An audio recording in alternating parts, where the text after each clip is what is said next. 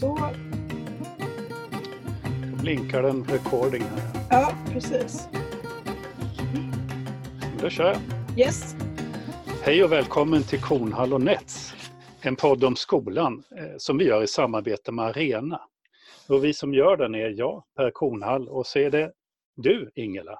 Ja, som heter Nets förutom Ingela. Hur kommer det sig nu då att du är här? För det här, vi ska ju säga det att det här är ju på sätt och vis en fortsättning på den podd som jag och Isak Skogstad hade. Eh, Och anledningen till att du är här då Ingela är ju därför att Isak nu håller på med politik på heltid. Mm. Eh, Och då är, tycker inte varken han eller jag att det är lämpligt att vi rullar på. Vi har inget oberoende kvar. Och, och så tyckte bland annat där några personer på Arena och jag att det vore ändå, skulle vara kul att kunna fortsätta podda. Och då föreslog de dig. Och det tycker jag är jätteroligt för vi har ju träffats några gånger. Men vem är du? Ja, vem är jag? Jag är eh, framförallt rektor. Eh, har varit skolledare i, vad blir det nu då? Tio år ungefär. Och före det jobbat eh, på kommunal förvaltning och som lärare före det. Så att jag har en, en lite blandad skolerfarenhet. Så. Sen är jag ju eh, av, av någon sorts eh, sådär ohejdad vana numera eh, oerhört engagerad i att diskutera skola. Inte bara det som händer i husets skola utan det som händer i systemets skola. Ehm, På sociala medier, i debatter, i diskussioner. Jag har bloggat ganska mycket genom åren. Eh, Och eh, den här frågan att göra det här tillsammans med dig var ju extremt eh, lockande. Också för att du och jag kanske, eller kanske inte, representerar lite olika perspektiv. Och Ja. ståndpunkter eller åsikter. Ja, vi får se. Det är ju intressant. Jag kanske ska säga det att jag, att jag som då pratar nu, det heter då Per Kornhall och jag är jag ska säga, någon sorts oberoende skolexpert. Jag jobbar med att eh, tycka om skolfrågor, skriva böcker om skola. Eh, jobbar också lite grann som expert åt EU-kommissionen. Och sen på halvtid så är jag ordförande för Läromedelsförfattarna, den organisation som organiserar eh, folk som skriver läromedel och kurslitteratur. Då. Och det gör också att jag för, för att vara oberoende försöker inte prata för mycket läromedel i podden för då, då blir det som en megafon för, för den delen av min verksamhet. Utan podden driver jag i den här oberoende rollen med. Men jag skulle väl tro att våra vardagar ser ganska olika ut just nu, Ingela. För jag menar, i min tillvaro så är det så att jag har en kalender som är helt tom. ja, det är inte min kan vi väl lugnt säga. Jag är ju eh, rektor på en eh, Pysslingeskola. Det är kanske också är bra att säga det, att jag jobbar på en Pysslingeskola som är en del av Academedia. Jag har förskola och grundskola upp till årskurs 5. Och vi har ju alltså öppet eh, som vanligt, fast inte alls som vanligt. Eftersom det är en, en eh, extremt annorlunda situation. Vi har många, både mycket personal som är sjuka eller är lite småförkylda och alla andra dagar hade man tagit en Alvedon och gått till jobbet. Det kan man ju för sig ha synpunkter om, men så är det. Eh, Men just nu gör vi inte det eftersom riktlinjerna är så tydliga att vi ska hålla oss hemma så fort man känner minsta lilla. Och samma sak gäller ju för barnen och eleverna. Så även där har vi jättemånga som inte är på plats. Eh, Så det har varit framförallt en, en oerhört intensiv period att, att landa i någon sorts vardag i den här märkliga tillvaron. Och hur ser den vardagen ut då? Jag menar, hur många är det som är borta av elever eller av personal? Och, och, och vad gör du då för att hålla skutan flytande i, i de här coronahavet? Ja, alltså vi har väl sådär eh, i skoldelen så har vi nog, skulle jag säga, ungefär 40 procent av eleverna borta. Eh, inte samma 40 hela tiden, men det ligger ungefär där. Personalmässigt så är det väl egentligen inte värre än vad det är i värsta februari. Säg att vi har av 30 personer så är det kanske i snitt 4-5 som är borta varje dag. Och så toppar det vissa dagar. I fredags hade vi 10 tror jag borta. Eh, Och det är klart att det blir jättekämpigt att få till, få till vardagen. Mm. Så Mycket, mycket handlar om det, bara det här att pussla. För mig handlar det, i det här läget, nu har vi liksom kommit in i fasen att vi faktiskt bedriver någon form av, av distansundervisning light för de eleverna som faktiskt är hemma. Eh, de är ju ganska små, jag, mina äldsta elever är 11 år. och de yngsta är 6. Och det är klart att de inte sitter hemma på egen hand och följer fjärrundervisning utan de får ju hjälp hemma av sina föräldrar om de är småsjuka eller är hemma av smittorisk, att man vill undvika smitta. Så. Men det ska finnas uppgifter att göra varje dag. Och det ska finnas någon form av kommunikation mellan skola och hemma. Och den fasen är vi inne i, nu rullar det så att lärarna sköter det eh, på sin planeringstid och, och, sina gemensamma tider de har för det. Utan för mig handlar det extremt mycket om kommunikation just nu. Att eh, lugna, att vara tydlig med vad som gäller, att hålla mig uppdaterad både inåt i organisationen men också framför allt ut mot våra vårdnadshavare.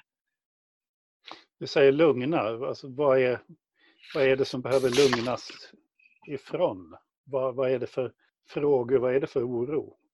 Till en början var det nog väldigt, väldigt fokuserad på vem är sjuk, vem är inte sjuk? Hur smittar det? Hur sjukt blir mitt barn om, om det går till skolan? Och hur säkrar ni att ingen blir smittad i skolan? Och det är klart att vi inte kan garantera det.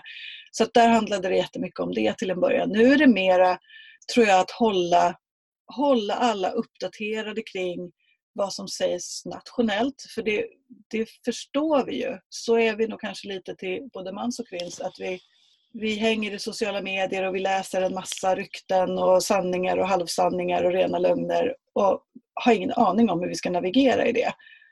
Och att då vara den där som ändå är trygg och tydlig och talar om att så här, det här gäller för oss. Så här ser ditt barns vardag ut. Och det beror på det här och det här det tänker jag blir en viktig roll för mig just nu. Är det så här det ser ut? Är det här den bilden? Ser det ut så här i hela Sverige? Eller är det ett Stockholms Göteborgs fenomen just nu? Eller, vad, har du någon känsla? Ja. Jag kan uppleva att jag har svårt att förstå därför att det som händer, det händer så mycket på nationell nivå så det som händer lokalt, det syns ju inte förutom då på sociala medier. Men där är man ju begränsad till sin lilla grupp. Tycker du att du har någon sorts bild av hur det ser ut? Ja, kanske. Jag har ju kollegor, det är en av fördelarna med att jobba i just den organisationen som jag är, att jag har rektorskollegor från Kalix i norr till södraste Skåne. Så. Eh, och det är klart att det till viss del ser olika ut. Men, men vi brottas nog med ungefär samma, samma dilemmor varje dag nu.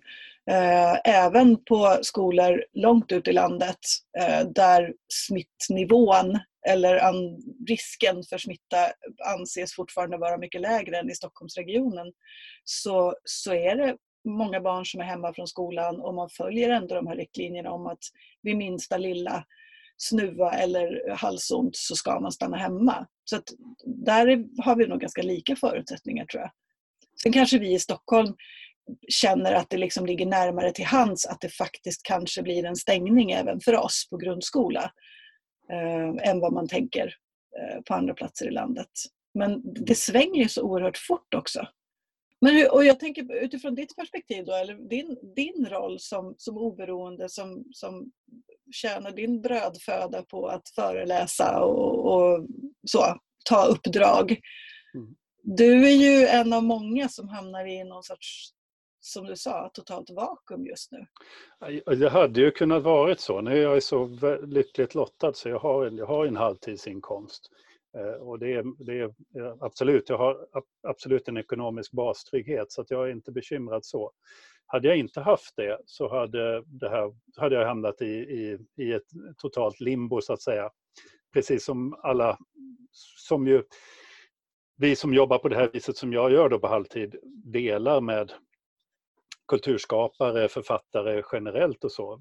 Väldigt många av våra medlemmar i, i, författare, i läromedelsförfattarna och ännu fler medlemmar av Författarförbundets medlemmar och, och alla konstnärsorganisationer och sånt. Eh, de har ju, får ju väldiga problem. Där är man ju glad då att, att, att regeringen ganska snabbt ändå har kommit med olika stödpaket. De lättar upp möjligheter för a-kassa och för ja, det, det, finns ju väldigt mycket som samhället rullar ut. Ehm, jag tycker man reagerar väldigt snabbt och så. Men, men ehm, så för mig personligen, har, jag har inga sådana bekymmer. Men däremot den delen av min verksamhet som handlar om att ge föreläsningar och sånt, den är ju naturligtvis noll och nada och ingenting alls. Och så. Mm. Men, men, jag har verkligen ingen anledning att klaga. För jag, jag har inga, inget som säger inga ekonomiska egna bekymmer av det här. Men du, en, en, fråga som jag funderar på apropå, nu, nu sa du att vi inte skulle prata så mycket om läromedel, eh, men, men jag tycker ändå att det är relevant nu därför att vi i skolorna översköljs ju just nu av erbjudanden om eh, det ena och det andra som under en period nu delas ut gratis när det gäller digitala läromedel framför allt. Och det är fantastiskt. Alltså det, är ju, det, det, får man ju ha någon sorts grundtacksamhet för, att det finns en generositet och någon sorts känsla av att vi behöver hjälpas åt just nu. Eh, men det finns ju flera andra sidor av det, tänker jag. Eh, och en är ju, som jag inte har en aning om hur det fungerar, de som skapar de här läromedlen är de med liksom på båten nu eller, eller går det för fort för det? Är det förlagen som kör bara? Hur funkar det? Det finns ju flera sidor av det här myntet. Då. Det ena myntet, det är inte så att jag vill undvika läromedelsfrågor men däremot vill jag påpeka att jag, att jag är en, en part, väldigt partisk där. Vi har ju hela tiden, eller vi hävdar ju hela tiden och det är därför jag tog uppdraget som ordförande, för det är en åsikt jag haft, att läromedel är en väldigt viktig del av skolan och en försummad del av skolan. Det vill säga att vi har dåligt med man tittar på, alltså det är väldigt olikvärdigt hur lärare har haft möjlighet att köpa in läromedel i Sverige. Vi har haft en ganska läromedelsfientlig diskurs, så att man har tyckt att läromedel, det är inte, det är inte viktigt. Det har man trumfat ut menar jag från lärarutbildningar och sånt. Så hamnar vi i den här krisen då det på många skolor naturligtvis är ett vakuum. Därför att man inte har, man har inte böcker, man har inte liksom en, en läromedelsstrategi och så. Så det är den ena sidan av det här myntet, att, att landet, inte heller där hade vi något beredskapslager så att säga eh, av, av resurser, likvärdiga resurser. Så. Och det kan jag prata länge och mycket om och det får vi nog tillfälle att återkomma till någon gång. Men, men just i den här situationen så är det ju delvis en generositet naturligtvis, men man får inte blunda för att de som gick först i bräschen för att nu lätta på och se till att det finns en massa digitalt material tillgängligt för svenska lärare, inte bara var drivna av, av välvilja utan att det handlar om att plocka på sig marknadsandelar. Det vill säga att se till, jag menar om jag var först ut med det här så skulle ju fler skolor koppla in sig på min plattform och då skulle jag sen kunna plocka in de här som kunder i mitt system. Och i det här så gick det ur författarsynvinkel otroligt, eller det gick väldigt, väldigt, väldigt mycket för fort. Eh, det är ju så här att de här, en hel del av de här läromedlen är ju framtagna då av författare, många av dem är lärare ute i våra skolor men som på, har lagt av sin fritid och sånt på att jobba på att ta fram läromedel till sina kollegor och, och i samband, och samarbeta med förlag om det här. Och där är det ju faktiskt en liten detalj som, som jag upplever att förlagen missade, nämligen att det är de här författarna som äger det här, alltså som har rättigheterna till det. Förlagen lånar ju så att säga, eller betalar för att använda rättigheterna till materialet. Men förlagen här frågade aldrig rättighetsinnehavarna. Utan man bara tog ensidigt det här beslutet. Att, och det tror jag man gjorde mycket av panik därför att man ville inte komma sist i racet. Men i det så glömde alltså hela eh, förlagsbranschen i princip. Men med något enstaka undantag att överhuvudtaget prata med dem vars material som de nu ger bort. Så det innebär att de författarna som nu, vars material används, det är ju då personer som inte får betalt för sitt arbete eh, alls. Eh, på grund av att förlagen glömde att fråga dem. Och det är ju en sån här konsekvens, en ekonomisk konsekvens av en sån här kris. Då. Där man kanske kunde ha tyckt att förlagen kunde ha pratat ihop sig och pratat ihop sig med sina författare. Och, man kanske kunde, och jag tror att i 99 procent av fallen så hade författarna sagt att vi tycker det här är en jättebra idé. Därför att vi vill hjälpa till. Men man vill gärna bli tillfrågad innan någon ger bort en saker. Eh, så är det. Mm. Ja, och jag tänker, för som sagt, vi, det är ju suveränt att vi nu får tillgång till saker som vi inte annars hade haft råd med eller haft tid att, att liksom ens leta reda på. Så. Mm. Och det är klart att vi alla förstår att det kommer en, en höst, vi hoppas att vi får en vanlig, alldeles vanlig höst, då vi i många skolor säkert har vant oss också vid att ha en, en oerhörd tillgång till digitala material som vi gillar och som eleverna gillar och sen så eh, förstår ju vi också att förlagen kommer att behöva och vilja naturligtvis ta betalt. Mm. Och där tror jag det finns ett, ett annat problem och det är nämligen så att nu av nödvändighet så måste vi vara väldigt digitala och vi kan vara tacksamma för att vi befinner oss i en tid när det är möjligt att vara så pass digital, det vill säga att så många barn ändå kan lära sig så pass mycket fast man inte kan gå till skolan. Alltså det här är ju en helt unik situation. Det här, är ju, det här är ju inte ens under krigstid. Alltså det måste man förstå. Under krigstid har man skolorna öppna därför att ja, det finns ingen anledning att stänga skolor under krigstid. Eh, det har aldrig hänt. Så det är ett jätteexperiment med barn. Då. Men då måste man också veta att, att den kunskap vi har om digitalt versus eh, analogt material är inte särskilt positiv till det digitalas sida. Då. Jag hörde till med Skolverkets generaldirektör Peter Fredriksson säga att den här krisen har gjort mer för skolans digitalisering liksom, än vad som har hänt de senaste fem åren och han uttryckte det som att det var något positivt. Och jag tycker att man kan, ja, om man, bara, om man ser allting som man kallar för digitalisering som positivt kan man ju säga så. Men tittar man på de data vi har av digitalt jämfört med analogt material så finns det väldigt stora problem med den digitala undervisningen. Eh, alltså de är inte helt jämförbara. De har styrkor och de har svagheter båda två. Men, men när det gäller djupare inlärning och sånt så, så eh, finns det ingenting som tyder på att det digitala uppnår samma saker som analogt material och framförallt att det digitala undervisningen har väldigt, väldigt svårt att konkurrera en levande närvarande lärare naturligtvis.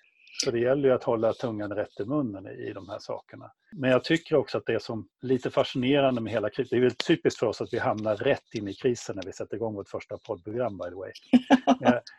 Men jag tror inte det går att göra på något annat vis. Det fyller våra tankar och det fyller mm. våra liv så mycket. Men jag, men jag tror att en av de liksom, sakerna som jag ändå upptäcker nu det är ju att det, det, är som att nu först, eller nej jag kan inte säga så, men det är som att det blir så undervisningens betydelse blir så väldigt tydlig när vi inte kan göra det. Ja. Alltså, vi saknar så mycket de här mötena. Mm. De som vi tar för självklart i vardagen annars. Men kan det bli en... För jag, jag, dels så tänker jag så här, jag är inte säker på att jag håller med Peter Fredriksson om att, att, att det på något vis inte hade hänt utan den här krissituationen. Eh, för jag tror att det har det har hänt enormt mycket och jag tror att de flesta skolor har en bredare digital kompetens än vad vi kanske själva trodde om oss själva. Alldeles oavsett att vi nu blev tvungna att kasta oss in i det huvudstupa. Så.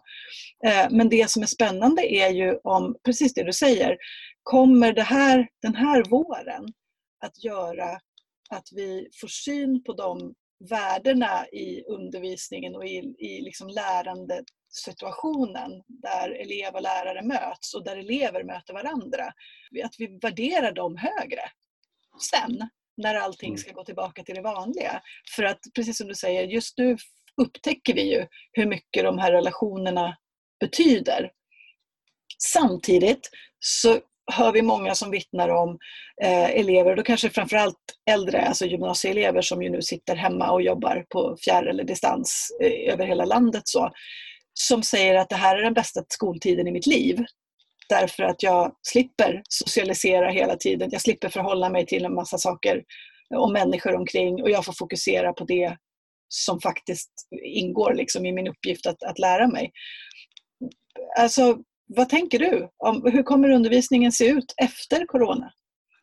Ja, alltså, jag tror inte att corona på sikt, på längre sikt, kommer att påverka skolans funktion. Eh, det här har vi hållit på med i så många, ja, i, strukturerad form i Sverige under så väldigt lång tid och i västvärlden och, och, i hela världen så att jag tror inte att det kommer att förändra det så kolossalt mycket.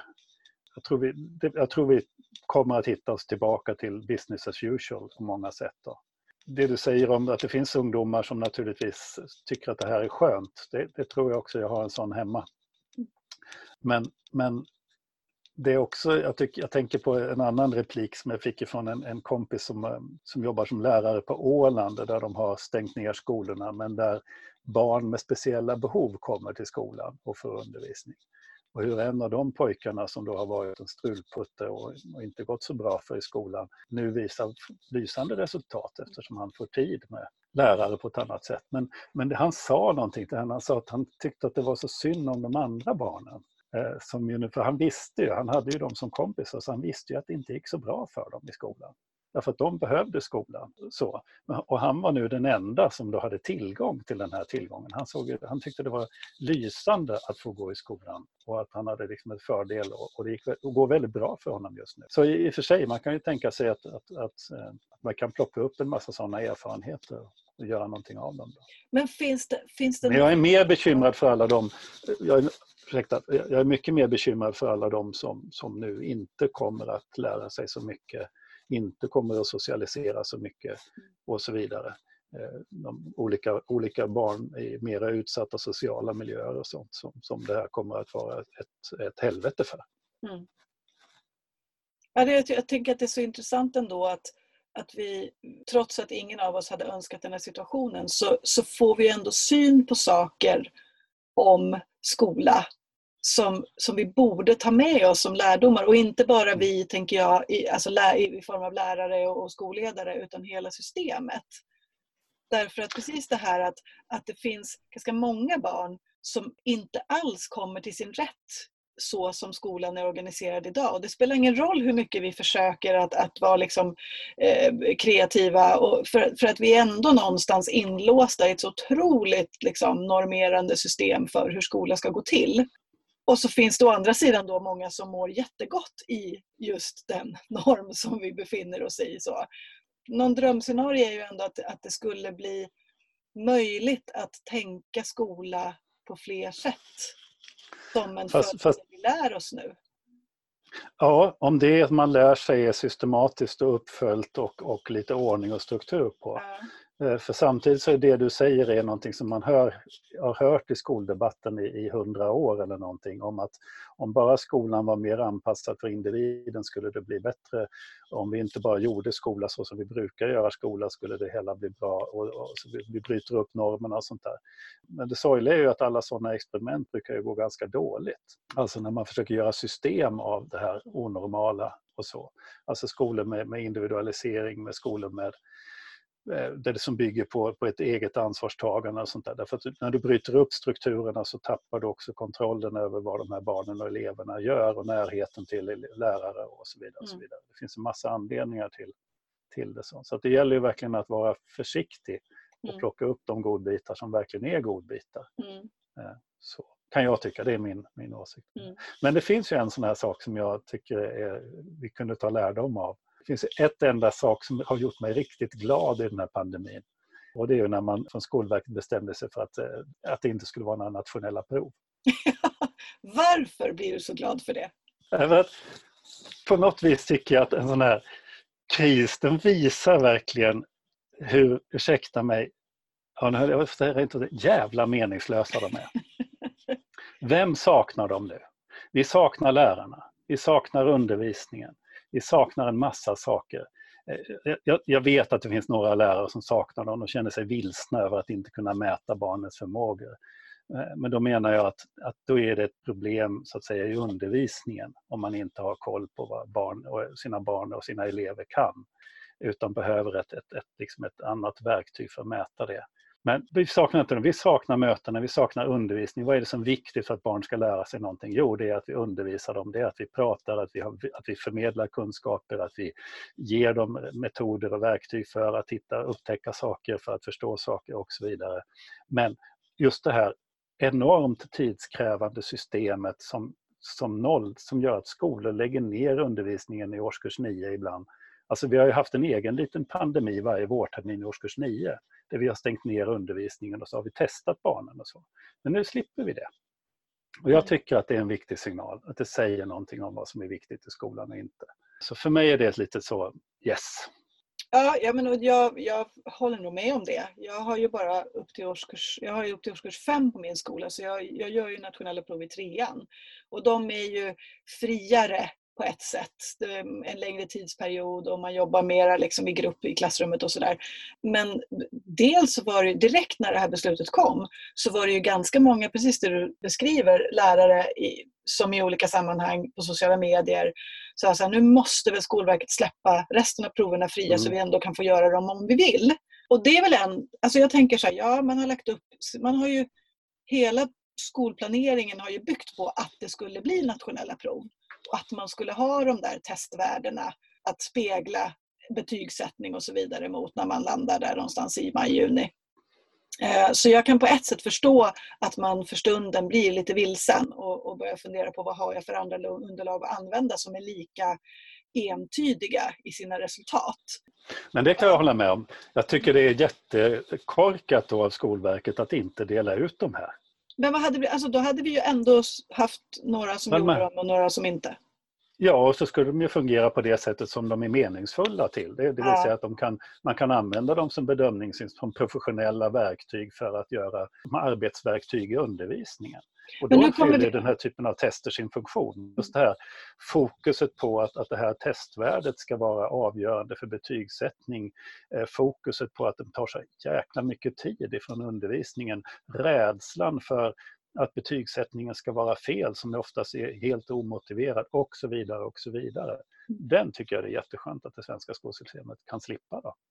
Och hur kommer vi sen att värdera betygen för just den här årskullen som nu lämnar nian och gymnasiet. Därför att ja. Man kommer ju alltid kunna argumentera för att här har vi ingen aning om hur mycket glädjebetyg som har satts för att det finns inga nationella prov att jämföra med. För den jämförelsen gör vi ju gärna.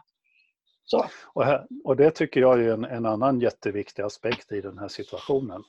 Och det är att den här generationen får ju inte lida för i drabbade världen. Jag tänker som så att hade vi, om man bara gör tankeexperimentet att vi hade haft ett relativt betygssystem nu, så hade allt det här, då hade det inte spelat någon som helst roll. Alltså då spelar det ingen roll att vi hade tappat undervisningen under en termin. För att det var ändå så att ett visst antal av procent av våra elever skulle ha det högsta betyget. Vilket är rimligt mm. med tanke på att det är troligtvis så begåvade och så läraktiga som den procenten är. Då. Och så vidare med mera. Men nu har vi det här som jag menar är ganska problematiska tron på att elever ska nå fram till vissa saker för att de ska få den här belöningen. Och när nu de inte kan, på grund av att undervisningen läggs ner, inte kan nå fram till det här, ja då kan vi inte straffa den generationen genom att sätta lägre betyg på dem allihopa. Och det är där jag menar någonstans, vi behöver ha en diskussion om att faktiskt den här generationen måste vi behandla snällt. Mm.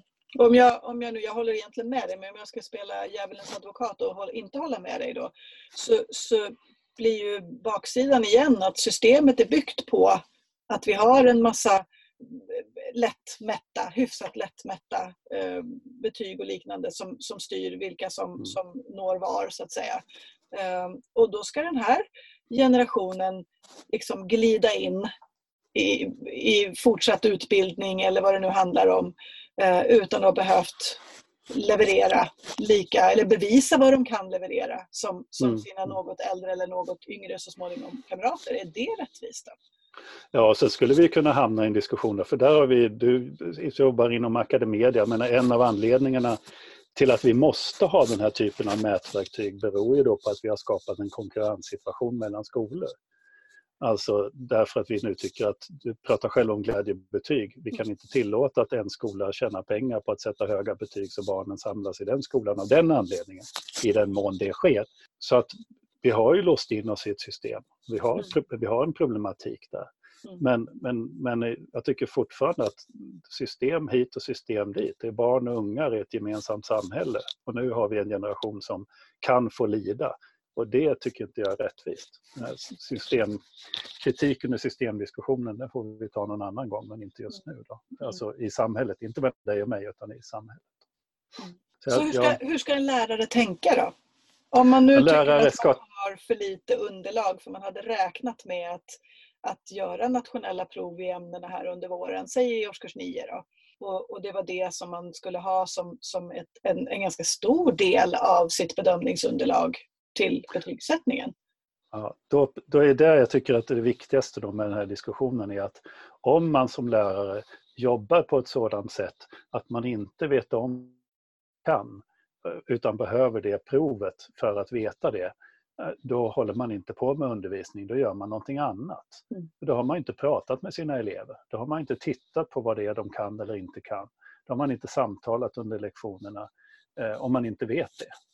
Eh, då har man inte stämt av, då har man glömt allting som står i alla böcker om formativ bedömning som finns och så vidare. och så vidare.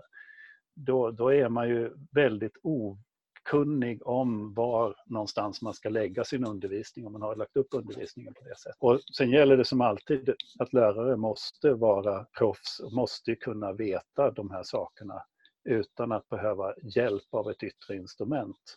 Så pass mycket skicklighet och kunskap om det man undervisar om eller vad det är man håller på med och de elever man har måste man kunna skaffa sig på andra sätt menar jag. Mm. Men det blir ett problem, ett annat problem nu i och med att det är så mycket distansundervisning. Och det är naturligtvis vems kunskaper är det jag mäter egentligen?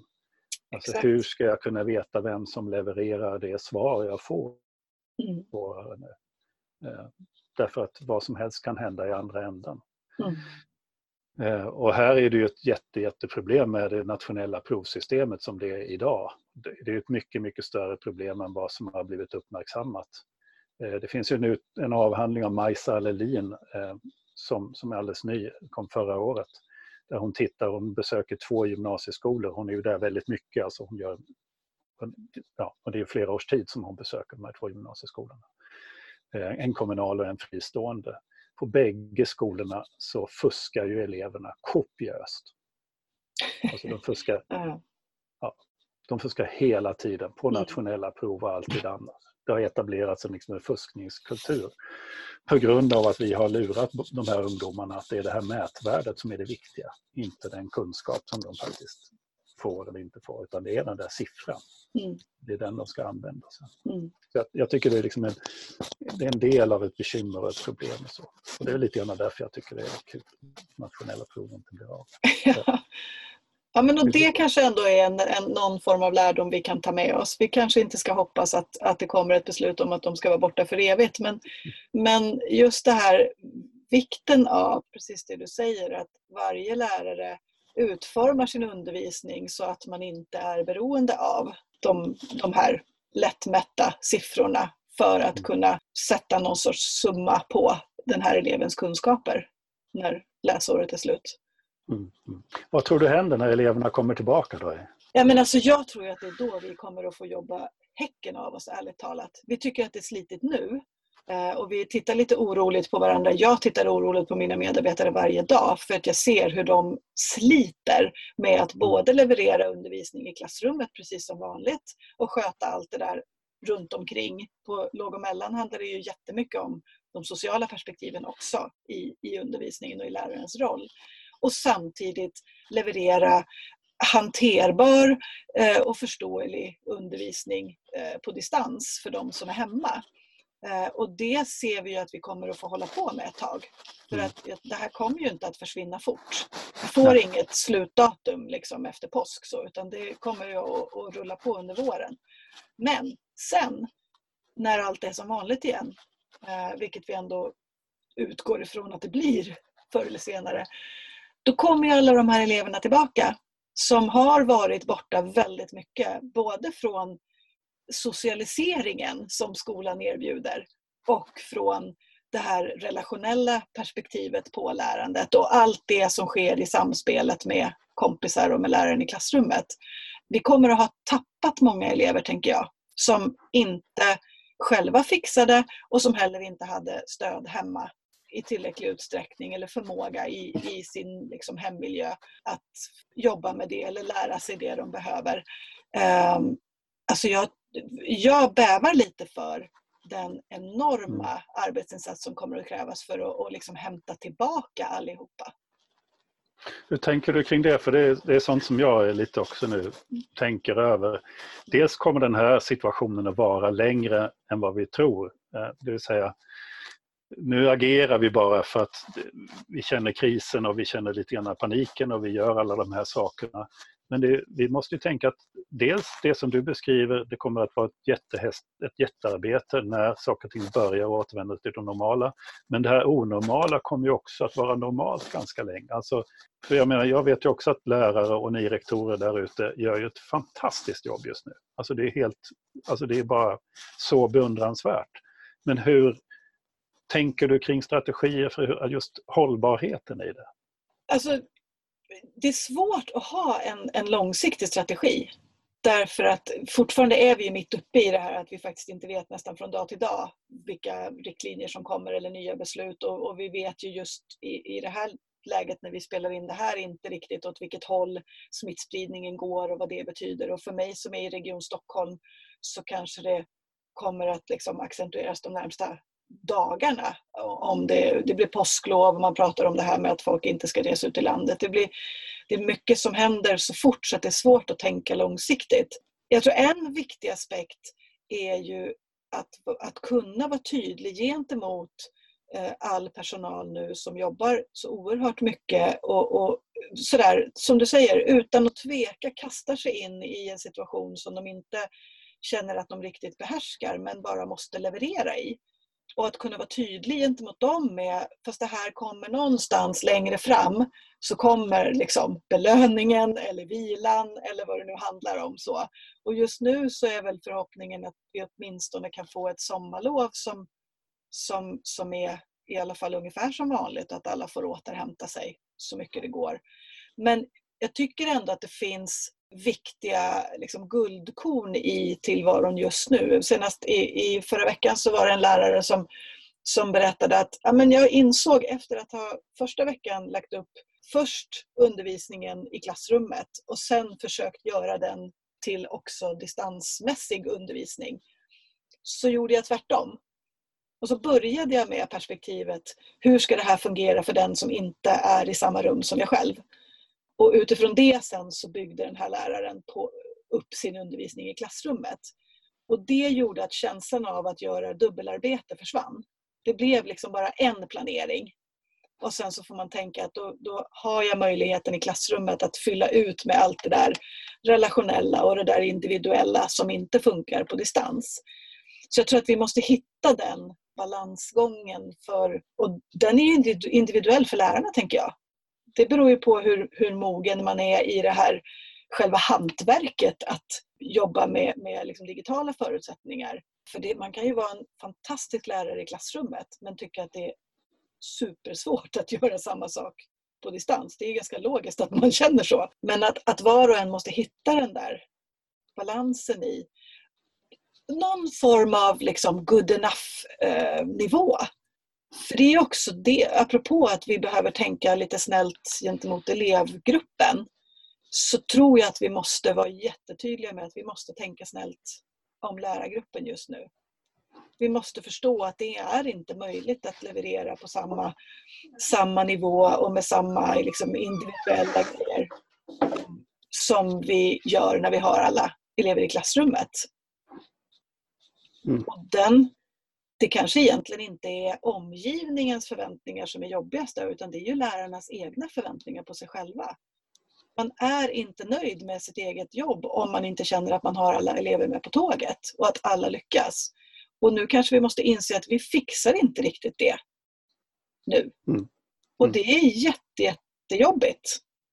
Men tror jag nödvändigt för att liksom mm. överleva som yrkeskår i det här. Mm. Jag tror det du säger är väldigt, väldigt viktigt. Ja. Du Ingela, jag tror ja. egentligen att vi ska avrunda lite grann. Ja. Så att det inte blir alls för långt. Nej. Visst, visst ska man säga det att, att vi, vi följer ju alla riktlinjer vi också i det här. Vi sitter i varsin liten skrubb i varsin del av landet ja. och, och sköter det här på, med digitala verktyg. Så mm. har, det, har det skrapat lite i ljudet eller prasslat lite någonstans så, så är det mm. förklaringen. Ja. Att vi, vi kör det här digitalt. Ja, och vi får väl också säga det att vi här framöver så kommer det att handla en del om, om Corona. Eh, mm. Det här är första programmet bara där vi, där vi, ja, vi ville presentera oss själva och, så, och sen blev det det som rann ut ur huvudet på oss, det var ju mm. coronakrisen. Mm. Eh, vi kommer fortsätta ha ha eh, inslag och vi kommer försöka bjuda in någon. För jag skulle faktiskt vilja veta till exempel hur det, hur det är att jobba på utbildningsdepartementet just idag. Ja. Jag tror att om, om våra svenska lärare och rektorer jobbar så har jag en känsla av att de jobbar också och, och väldigt hårt. Jag har sett några bilder på Facebook på väldigt, väldigt trötta eh, tjänstemän och sådär. Så mm. Det skulle vara kul att förstå lite grann veta hur de tänker och, och mm. vi får se vad vi kan hitta för människor som kan göra oss klokare i det här. Ja. Och också intressant, tänker jag, att fundera på och, och höra hur, hur tänker lärarfacken just nu? Ja. Hur tänker skolledarfacken? Så? För, att, för att apropå det här att att belastningen är jättestor just nu. Eh, vad ser man på kort sikt och på lång sikt att det får för konsekvenser? För, för individer men också för skola som system. Så vilka, vilka samtal förs där? Så. Det vore också väldigt spännande att prata om. Och sen har vi ju tänkt att vi jättegärna för de som lyssnar, om det är frågor att ställa och sånt, så hör av er till oss. Så ska vi försöka svara på dem i den mån vi kan och vi har någonting klokt att säga i, i, de, eh, i de saker som man frågar om. Verkligen. Men du, Ingela, det ska bli jätteroligt det här. Även om nu inramningen har blivit mycket tråkigare än vad någon någonsin hade kunnat tänka sig. Ja, men jag håller med. Det, det känns eh, spännande, stimulerande, viktigt att eh, skolfrågorna får ta plats också i, i någon form av samhällskontext. Så, för det är en så viktig del av, av mångas tillvaro. Eh, mm. Så det här blir jättekul. Mm. Men du, med det säger vi tack. Vi säger tack för den här gången från Kornhall och Nets och så återkommer vi så fort vi har ett nytt avsnitt. Det gör vi. Ha det så bra. Tack. Hej.